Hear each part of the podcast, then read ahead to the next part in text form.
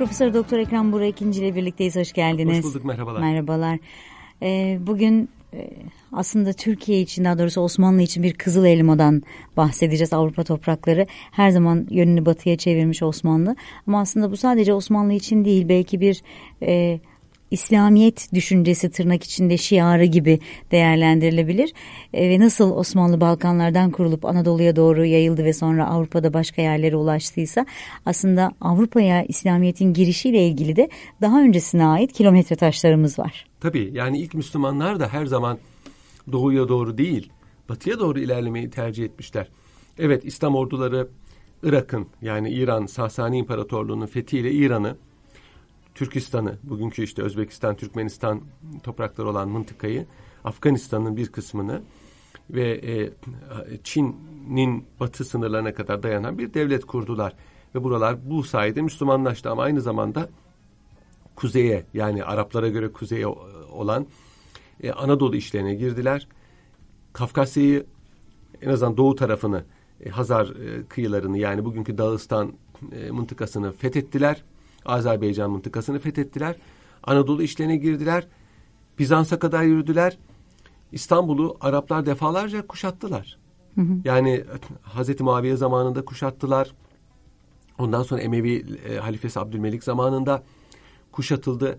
E, fakat almaya muvaffak olamadılar. Ama bu çok ciddi savaşlar oldu. Batıya doğru bu bakışın sebebi e, o dönemki Avrupa'da medeniyetin daha çok olması, insan popülasyonunun çok olmasıyla mı alakalı?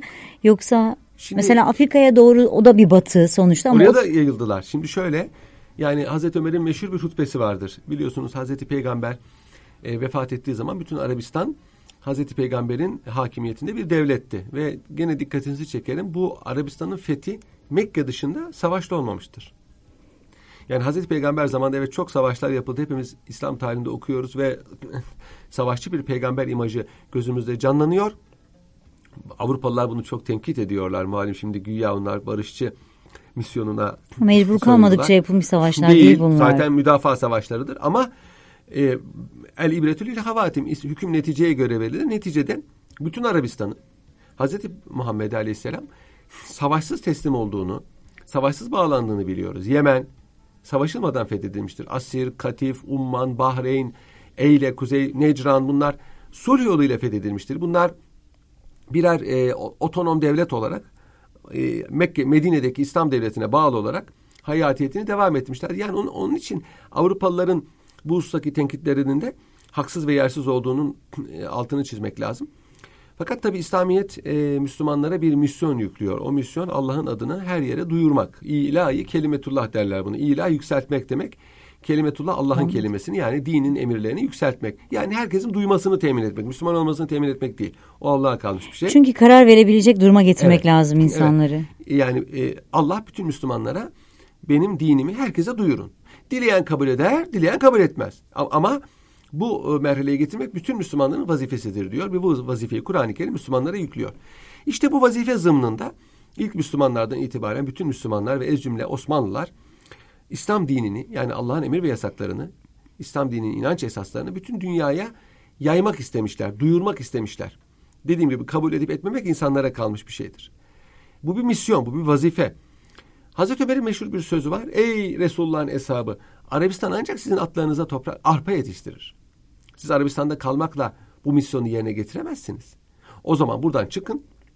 Bütün dünyaya dağılın. Nasıl ki Hazreti Peygamber aleyhisselam sağlığında bir Mısır'a, bir Heraklius'a, bir İran Şahı'na, Bahreyn emirine, Umman emirine hepsine mektuplar gönderdi. Bunları İslamiyet'e davet ettiyse siz de İslamiyet'in yayılmasını sağlayın. Şimdi bu yayılma şimdiki gibi e, o zaman internetmiş, haberleşmeymiş yok ki. Oraya gideceksiniz. Orada bir misyon kuracaksınız. O misyon İslamiyet'i yayacak. Eğer oranın yerli idarecileri bu misyona izin vermezlerse savaş kaçınılmaz. Hı hı. Verirlerse mesele yok. Yani o zaman barış yapıyorsunuz. Rahatça girip çıkıyorsunuz. Orada İslamiyet'i anlatıyorsunuz. Bu zaman bir mesele yok. Ya da yaşıyorsunuz, örnek oluyorsunuz evet. hayatınızla. Ama buna izin vermezlerse o zaman yapacak bir şey yok. İşte o zaman savaş meşru oluyor. Resulullah'ın hesabı da bu emir üzerine biliyorsunuz. Hazreti Ömer devrinde doğuya yani bugünkü Irak, İran ve Türkistan işlerine gittiler. Kuzeye yani Suriye, Anadolu, Azerbaycan, Dağıstan'ı fethettiler. Güneye, Yemen'e ve batıya Arabistan'a göre batı Kuzey Afrika'dır. Kuzey Afrika'yı olduğu gibi fethettiler kısa bir zaman içinde. Yani önce Mısır, arkasından Libya, e, Afrikiye denilen Tunus, Cezayir ve nihayet Mağrip. Bugünkü Fas çok kısa bir zaman içinde. Yani Hazreti Peygamber'in vefatından yaklaşık 100 sene geçmeden bunların hepsi fethedilmiş. Mısır zaten çok daha evvel fethedildi. Burada e, zaten yerli bir otorite yoktu. Mısır Bizans İmparatorluğu'nun. Yani burada da bunu da şunu söylemek lazım. Yine bu Müslümanların fethi siyasetini anlatırken Müslümanlar buraya girdiler. Burada halkın seçtiği e, halkın, Ne vardı önce burada onu bir söyleyelim mi? Yani burada yani nasıl bir kendisine ait burada bir devlet vardı. Halkın kurduğu bir devlet, halkın seçtiği idareciler vardı ve Müslümanlar buraya gelerek bu devleti yıktılar. Halkın kendi kendini idare etme hakkını elinde öyle bir şey yok. Hı hı. Bir kere Suriye ve Mısır Bizans İmparatorluğu'nun işgalindeydi. Yani yerli halk değil başka bir imparatorluk burada söz sahibiydi. Hı hı. E, Irak deseniz o zaman İran İmparatorluğu'nun hakimiyetindeydi. Kuzey Afrika keza Roma Bizans İmparatorluğu'nun hakimiyetindeydi ve kavimler göçünden dolayı keşmekeş halindeydi. Yani, yani dini olarak da aslında bir bütünlük ya da bir tek tek bir din yoktu. inancı yoktu. Görünüşte Suriye, Mısır ve Kuzey Afrika'da Hristiyanlık hakimdi Roma'dan dolayı. Fakat yerli halkta, halkın çoğu Hristiyan değil, animisti, putperest, tabiata tapınan hı hı. mahalli dinlerdeydiler. Irak ise İran'a tabi olduğu için ve İran ve bugünkü Türkistan, Türkmenistan mıntıkası, Özbekistan mıntıkası Zerdüş dinine mensuptu. Halkın hı. büyük ekseriyeti Zerdüş dininde fakat mahalli inançlarda vardı. Müslümanlığın buraya girmesiyle halk İslamiyet'e zorlanmadı elbette. Fakat Müslümanlar buraya yerleştiler ve zaman içinde yerli halktan e, Müslümanlığa girenler oldu ki bu intişari İslam'ı daha önce zaten İslamiyet'in yayılmasını zannediyorum anlatmıştık. Orada bir e, rızayla kabul etme var. Hı hı. Çünkü birincisi Kur'an-ı Kerim insanların zorla Müslüman yapılmasını yasaklıyor. La ikrahe fiddin. Dinde zorlama yoktur. O ne demek? E, artık doğru yanlış belli oldu. Herkes e, kendisine arz edileni aklıyla e, muhakeme, edecek. muhakeme edecek ve kabul edecek ve etmeyecek. Onu bileceği iş. Kabul ederse dünyada Müslüman statüsünde olduğu gibi ahirette de Müslüman statüsünde olur. Kabul etmez de Müslümanların hakimiyetinde yaşarsa dünyada Müslüman statüsünde yaşar. Yani Müslümanlarla eşit statüde hukuken yaşar. Malında, ibadetinde devam eder. Ama ahirette Müslümanlara vaat edilen mükafatlara kavuşamaz. Zaten yani en büyük de kabul ceza etmezse, o değil mi? Evet elbette. İkisini de kabul etmezse savaş kaçınılmazdır. Ee, böyle olmamış, zorlama olmamış. İkincisi Müslüman olmayanlar ilave vergi verirler binaenaleyh e, Müslüman olmamaları aslında İslam devletinin. Hı hı. Ekonomik olarak. Ekonomik olarak. Hı hı. Buna rağmen halk kitle halinde Müslümanlığa girmiştir. Yani zorlamak diye bir şey mevzu bahis olamaz. Yani zorlarsa... Ekonomik bir baskı gibi addedilebilir mi bu? Yani vergi vermemek için görünürde Müslümanlığı tercih Olabilir. etmiş. Olabilir. Olabilir ama bu İslam devletinin ni töhmet altına almaz. Yani İslam devleti bunları zorladı. Zorla Müslüman yaptı. Baskıyla Müslüman yaptı denemez. Hı hı.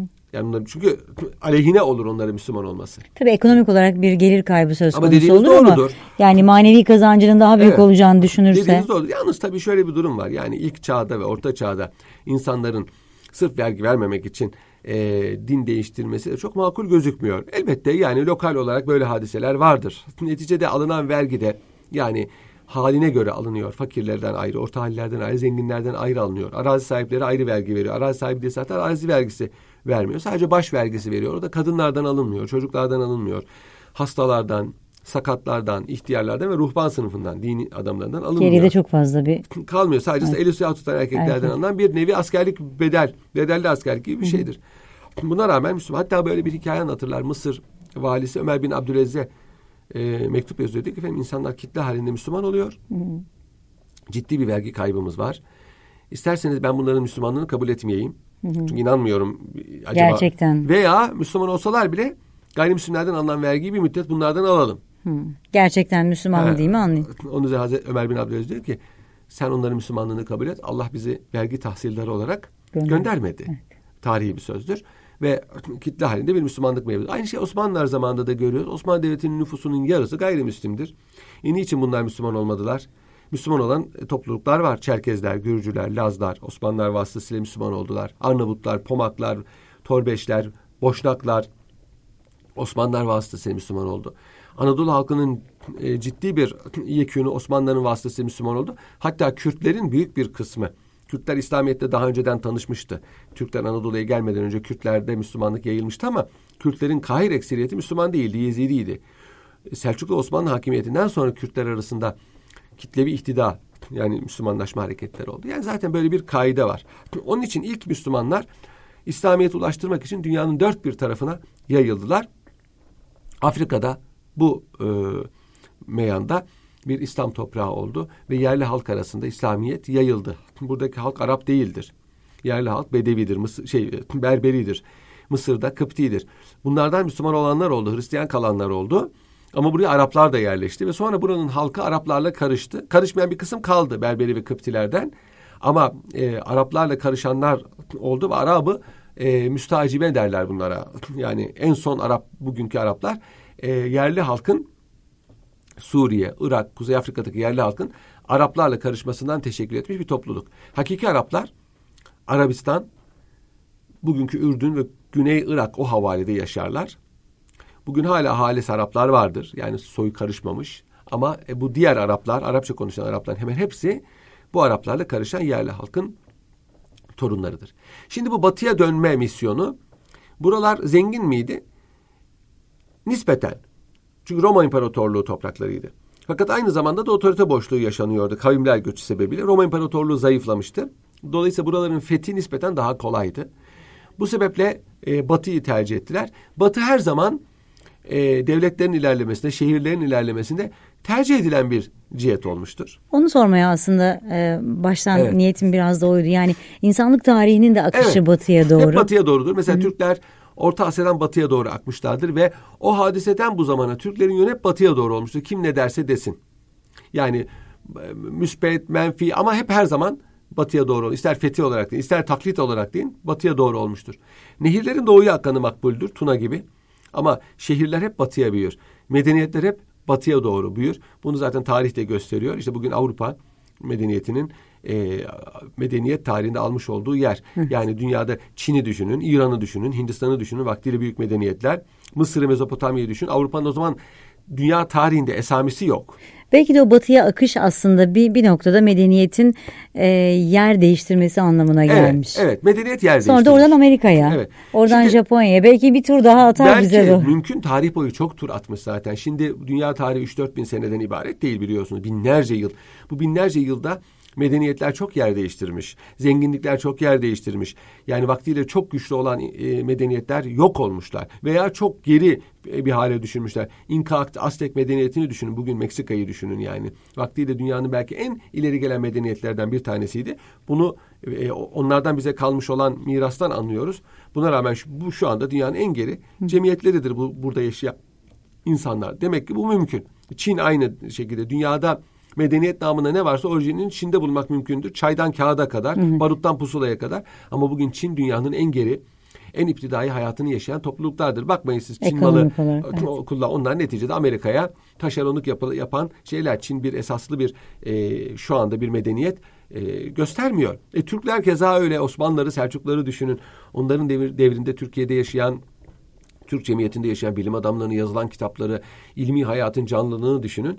E bir de şimdiki halimizi düşünün. Yani demek ki medeniyet zaman zaman geriliyor veya yok oluyor. Bu normal bir şey. Ama şunu anlıyoruz ki Batı'dan mesela kağıdın gelişi Türkler vasıtasıyla İran'a, İran'dan Araplar, Araplardan Avrupa'ya olmuştur. Kağıdın gelişi Avrupa'nın çevresini değiştirmiştir. Bunu kimse inkar edemez. Avrupalılar da inkar evet, etmiyor. Avrupa'da kağıt yoktu.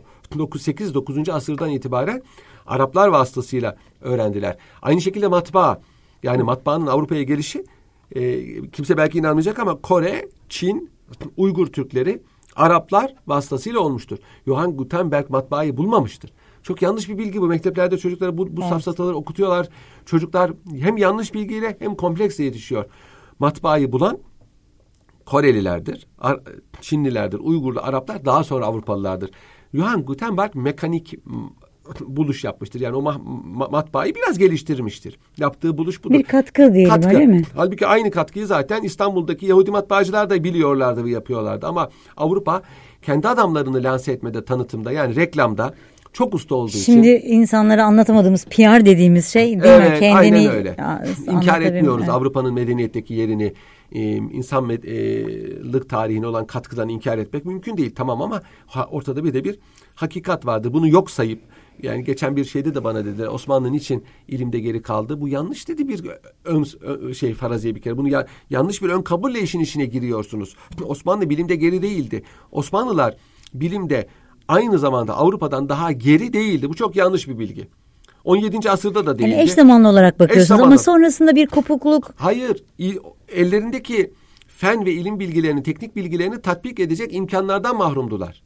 Yoksa ilimde geri değildi. Osmanlı Avrupa biliyordu. İlimde fen ileriydi. Osmanlı bunları bilmiyordu. Hayır bu yanlış böyle bir şey yok. Diyeceksiniz ki diyeceksiniz Ama bilmek kararda, yetmiyor heh, uygulamak yetmiyor. lazım. Bunun için para lazım. Para yok. Bunun için insan lazım. Nüfus yok. Bunun için e, barışçı, sağlıklı bir cemiyet hayatı lazım. Sizde bu yok. Devamlı savaşlar var. Hep söylediğimiz barış niye bu kadar önemli evet. aslında? Yani burasını hiç kimse düşünmüyor.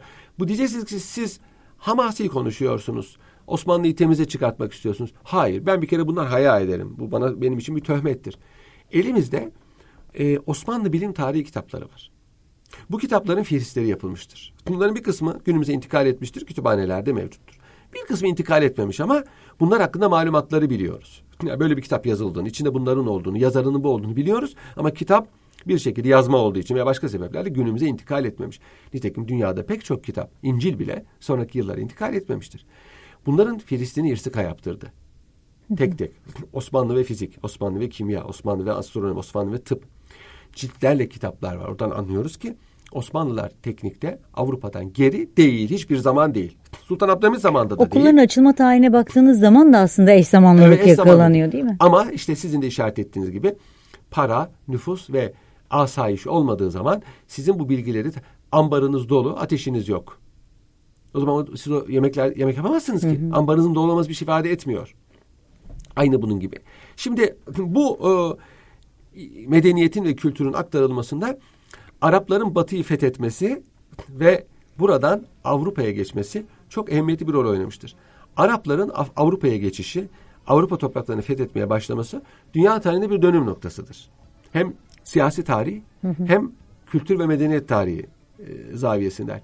Biz hep e, İspanya, Endülüs'ü, oradaki sanat e, ve biraz da bizim e, e, hüzünlü bir kaybımız Endülüs'e Mersiye şeklinde hep hatırlıyoruz ama Endülüs Avrupa'yı Avrupa yapan bir yer.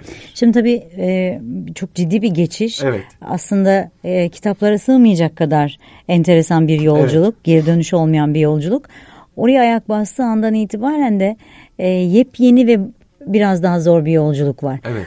Nasıl bir fotoğrafla karşılaştılar? Şimdi o gemilerde biz de olalım. Evet. Ve Avrupa'ya doğru yelkenlerimizi şişirmiş. E, hedefe doğru bakıyor olalım. Ufukta ne görüyoruz acaba? Evet sizinle beraber gemiye bindik. Evet. Bir kere kimler var o yolculukta ona bakalım. Kim komutanımız? Şimdi bu e, İspanya'nın o zaman İspanya İberya deniyor buraya. İspanya ismini al, alışı daha sonradır. E, İspanya'nın İberya'nın güneyi de e, Andalusya, Endülüs vatanıdır. Müslümanlar buraya alakası daha eski yıllara dayanıyor. Dedim ya Kuzey Afrika ilk yüzyılı içinde tamamen fethedilmişti. E, artık Halife Abdülmelik ve ondan sonra Ömer bin Abdülaziz zamanı yani Emevilerin ilk yıllarındayız. Dolayısıyla Peygamber Efendimiz'den yaklaşık bir 100 sene 80 sene falan geçmiş. Musa bin Nusayr var. Musa bin Nusayr e, ilk İspanya'ya e, alaka duyan Kuzey Afrika'yı fetheden komutandır. O zamandan beri gözler İspanya'da. Fakat İspanya'ya geçmek kolay değil. Çünkü güçlü bir donanma istiyor ve e, bambaşka bir kıta. Fethetmek üzere gidiyor. Fethetmek Ticaret üzere. vesaire hayır, gibi hayır, bir değil. temastan bahsetmiyoruz. Değil. Şimdi e, Müslümanların donanması öteden beri var. Hazreti Muaviye zamanında bir donanma var. Bu donanma Kıbrıs'ı fethetmiştir. Ee, Hazreti Peygamber'in müjdesidir Kıbrıs ve Hazreti Muaviye zamanında biliyorsunuz Şam, Suriye'nin karşısı Kıbrıs. Kıbrıs fethedilmiş. Sonra kaybedilmiş tekrar Bizans'a. Osmanlılar tekrar Kıbrıs'ı fethederken bu kaziyeye dayandılar. Bir kere İslam memleketi olmuş bir toprağı tekrar geri almak bizim hakkımızdır. Ama tek sebep bu değil. Yani Kıbrıs'ın yolu işgal etmesi, Mısır yolunu tehdit etmesi gibi sebepler de vardı. Bu donanma yine Halife Abdülmelik zamanında Şam'dan çıkmış, Akdeniz, Ege'yi dolaşmış, Çanakkale'yi geçmiş ve İstanbul'u kuşatmıştır. Malum bu kuşatmada Yani Hazreti Muaviye zamanındaki kuşatmanın bir kısmı donanmayla olmuştur. E, donanma bir yandan Akdeniz Ege'den Çanakkale'den gidiyor. Bir grup ise Anadolu'dan gidiyor. iki ordu, iki birlik. Bu birlik Anadolu'dan giden birlik fethete fethete gidiyor. Nitekim bugün Afyon Emirdağ civarında çok büyük bir muharebe var. Amur, Amoryon şehrinde. Orada Bizans ordusu mağlubiyete uğramıştır. Ve artık Arapların önünde duran hiçbir şey yok. Araplar tedricen bugünkü e, Bandırma'nın Edincik kasabasına gelmişti. Orada Belkıs diye çok eski bir antik hmm. şehir var. Edincik kasabası koydur, korunaklı bir yer. Orada hafif donanma gemileri yapmışlar. Bu hafif donanma gemileriyle Çanakkale'den uzun gelen... Uzun süre bir şeyden bahsediyoruz ama evet, yani evet, o zaman. Uzun bir müddet yani tabii. Donanma yapacaklar. Evet. Fethetmiş artık arkaları da sağlam. Çanakkale'den gelen donanmayla birleşerek İstanbul'u kuşatmışlardır. E, bu kuşat, ilk kuşatmada Halid bin e, Zeyd de var. Eyüp Sultan diye bizim bildiğimiz Hazreti Peygamber'in mihmandarı. 80 yaşında. Başka sahabiler de var. Bu sahabiler bu ilk kuşatmada yani Hazreti Muaviye zamanında Yezid, oğlu Yezid'in başkumandan olduğu muharebede zaten şehit düşmüşlerdir. Alınamamış. Alınamama sebebi kolera salgınıdır. Yoksa İstanbul'un düşmesi an meselesiydi. Nerededir Eyüp Sultan Hazretleri'nin kabri? Avrupa yakasında. Nereden geldi Araplar? Anadolu'dan gidiyorlarsa karşı tarafta olmaları lazım. Hayır. Gemilerle arkayı dolaştılar. Surların diplerine geldiler ama e, fethedemediler. Sonra Halife Abdülmelik zamanındaki donanma yine İstanbul'u kuşattı. Yine o da bir müddet orada kaldıktan sonra ve barış anlaşması yaptı. Karaköy'e yerleştiler. Karaköy'de Arap Camii'ni yaptılar. Bir koloni kurdular İstanbul'da. Fakat e, bir takım siyasi zaruretler onların çekilmesine sebebiyet verdi. Aynı şekilde bu donanma elde mevcut. İspanya'nın fethi mümkün. Ama devamlı bir e, korku var. Şam hükümeti fazla açılmamalarını tavsiye ediyor. Hmm. Yani fetih güzel de yani gittiğiniz zaman halkı geri kaçamayacağınız, geri çekilemediğiniz bir yerde sıkıntı çekersiniz. Ya düşmana mağlup olursanız katliam demektir. Yani artık diyor ya arkam deniz. Arkam deniz. Ukbe bin Nafi ve onun e, kumandanlarından Tarık bin Ziyad'a bu nasip oluyor. Halife Ömer bin Abdülaziz'in saltanatının az önce. Tarık bin Ziyad İslam tarihinin en büyük kumandanlarından bir tanesidir.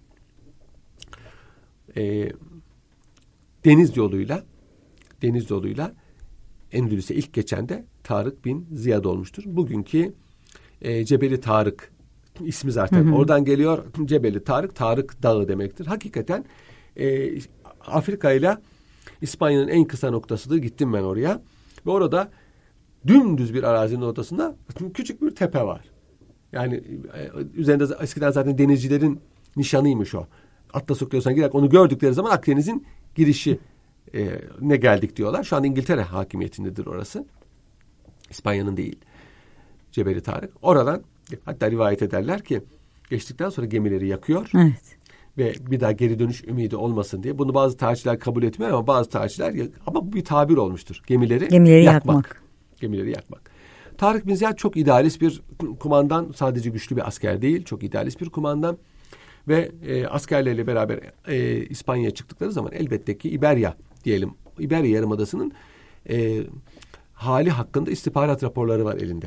Yani oraya giden gelen gemiciler, tüccarlar ve bir takım espiyonaj faaliyetleri neticesinde orada ne var ne yok, kendilerini ne bekliyor, nerede kalabilirler, nereden nereye gidebilirler bu hususta bir malumat sahibidir Tarık bin Ziyad.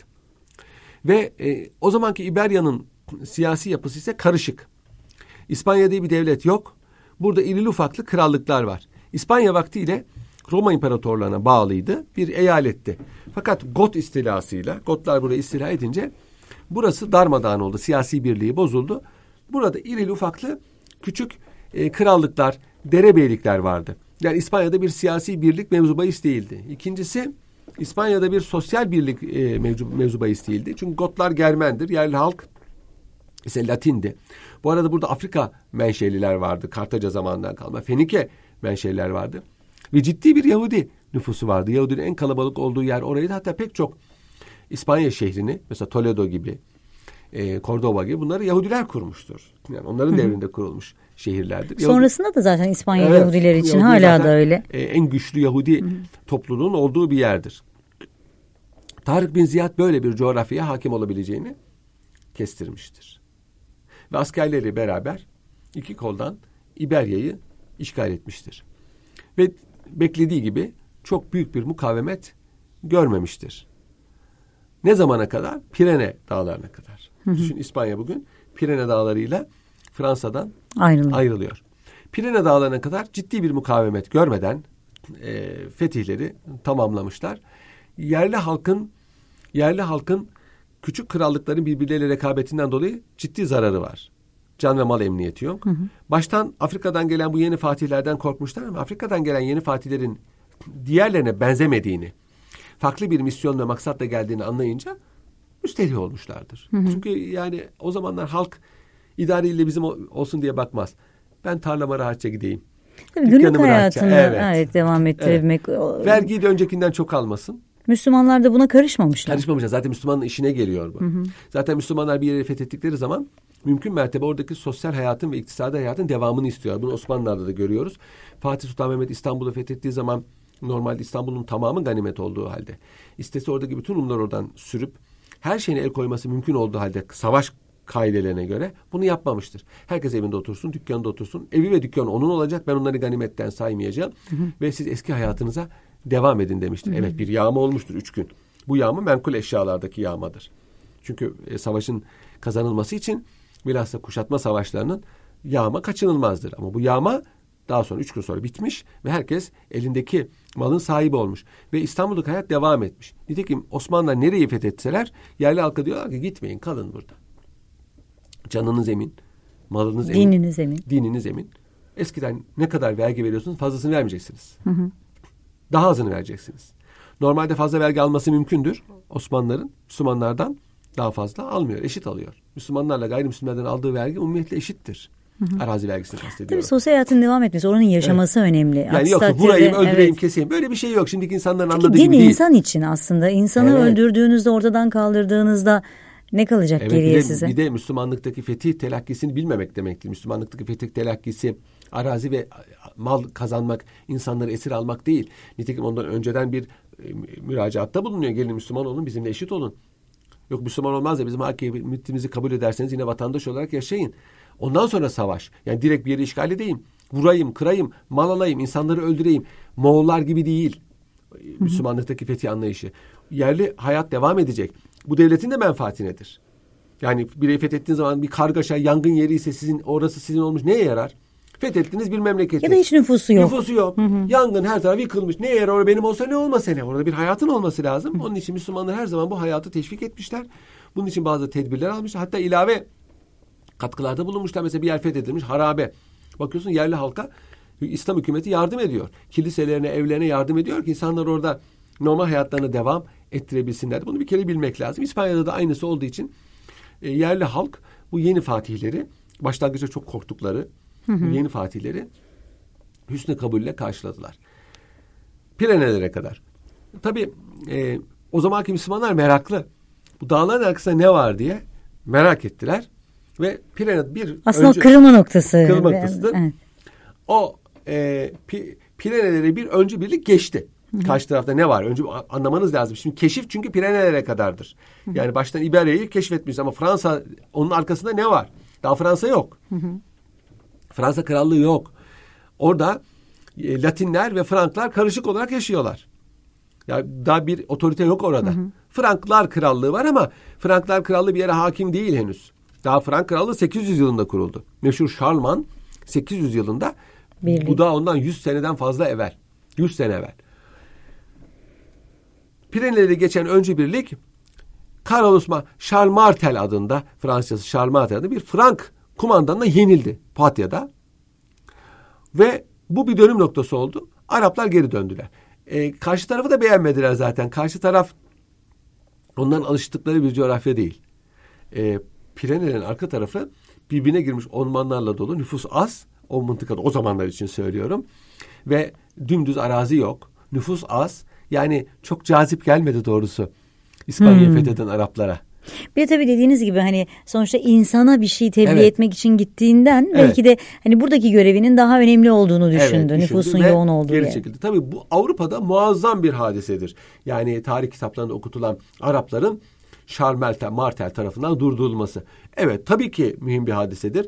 Tabii ki Avrupa tarihini, dünya tarihini değiştirmiş bir hadisedir. Bir dönüm noktasıdır. Nasıl Arapların İspanya'ya geçmesi bir dönüm noktasıysa Pirenelerin arkasında durdurulması enteresan. Ama tabii bu da çok abartılmış bir hadisedir. Yani neticede Araplar istese oraya adam aktararak bütün Atlas Okyanusu'na Çin işlerine kadar işgal etmiş bir imparatorluktan bahsediyoruz işten bile değildi. Fakat uğraşmamışlar. Yani biraz evvel anlattığım gibi tercih etmemiş yani bazı aslında. tarihçiler de bunu söylüyor. Tercih etmemişlerdir. Bir de tabii şöyle bir durum var. Bir kıtayı fethetmişsiniz, yeni bir kıtayı. Bu kıta diğerlerine benzemiyor, daha farklı. Arada deniz var. E, o zaman her zaman deniz ötesi e, korkutucudur. Hatta Şam hükümeti diyor tarihler devamlı diken üstündeydi. İspanya'dan gelecek haberler. Hmm. Ama İspanya'da bir problem var mı? Ama oradaki insanlar katliama uğradı mı? Çünkü arka deniz kaçamazlar. Evet. Yani gemileri yakmamış olsan da kaçamazsın. Kolay bir şey değil bu. Tabii tabii. Yani, elbette elbette. E, irtibat yok. Bir de tabii hani e, planelerin öbür tarafına geçmek arka tarafı güçsüz bırakmak evet. ve belki de bütün yani denizden kaçma evet. yolunu ya da geri çekilme Aynen yolunu da öyle. kapatmak anlamına Siz gelecekti. Zaten İspanya'yı yeni fethetmişsiniz. İberya'yı. Burada daha henüz bir hakimiyet kurmamışsınız. Garnizonlar teş- teşkil etmemişsiniz. Nüfusu e, bir sistem altına almamışsınız. Kendi adamlarınızı yerleştirmemişsiniz. Orada bir teşkilat kurmamışsınız ve ondan sonra yürüyorsunuz. Onun bir kıymeti yok. Nitekim Osmanlı ilerlemesini düşünün. Bir yeri fethediyor. Oraya nüfus yerleştiriyor. Teşkilat kuruyor. Oraya eyalet yapıyor. Veya neyse otonom yapıyor.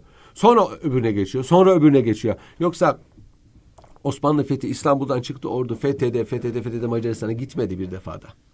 Elbette. Yani yemek gibi insanın sindirim sistemi gibi düşünün. Evet hazmede hazmede. Hazmede hazmede ilerliyorsunuz. Yani daha İberya'nın hazmedilmeme, hazmedilmeden Fransa'nın fethi zaten mümkün değildi. Fransa'nın fethi mümkün olduğu zaman da zaten Fransa fethedilmekten çıkmış çünkü bir imparatorluk kurmuştu artık. Yani orada tabi sınırlarında durdu İslam fetihleri. Çünkü o o sırada İslam coğrafyası da sarsılmaya başladı. İç hareketlerle işte Batıniler, Karamitiler, Hasan Sabbahlar falan derken artık Abbasi devleti kuruldu. Abbasiler kendi siyasi problemlerle uğraşmak mecburiyetine kaldılar. O kadar geniş bir imparatorluk ki Atlas Okyanusu'ndan Çin içine kadar bir merkezin idaresi orta çağda bile fevkalade zor ve zaman içinde valiler müstakil birer hükümdar haline aldılar. Büyümenin en önündeki en büyük engel büyümek isteyenin kendi içindeki sancılar. Evet yani bu kaçınılmazdır. Evet. Onun için bunu Osmanlı'da yaşamış. Şimdi İberya fethedildikten sonra ki bunun bütün şerefi Tarık bin Ziyad'a mal edilir. Müslümanlar burayı vatan edindiler. Zaten İslam fetihlerinin ve ez cümle Osmanlı fetihlerinin en mühim hususiyeti budur. Fethedilen yer sömürgeleştirilmek veya Moğollar gibi yakılıp yıkılıp işte ben güçlüyüm seni yok ettim bunun için yapılmaz. Vatan edinmek için yapılır. Burayı Müslümanlar vatan edindiler. Buraya nüfus yerleştirdiler. Ha nüfus da çok seyrekti. Şunu da altını çizmek istiyorum ki yani Müslümanlar gelerek yerli halkı yurtlarından ettiler. Böyle bir şey yok. Zaten biraz evvel söylediğim gibi yerli halkın çok olduğunu istiyor. Hı hı. Ne kadar çok nüfus o kadar güç demektir. Sizin üretim demek yani üretim sonuçta. Demektir, para demektir. Sosyal onun için boş yerlere Arap nüfusu yerleşti ve e, İberya çok kısa bir zaman içinde e, bir Müslüman eyaleti yani halini aldı. Ancak e, diğerlerinden farklı olan bir hususiyeti var. Endülüs'ün e, deniz aşırı olduğu için diğerlerinden farklı bir şekilde idare edildi ve e, o sırada Emevi hanedanı düştü. Abbasiler tahta geçtiler. Emevi Hanedanı'nı Abbasiler katliam ettiler.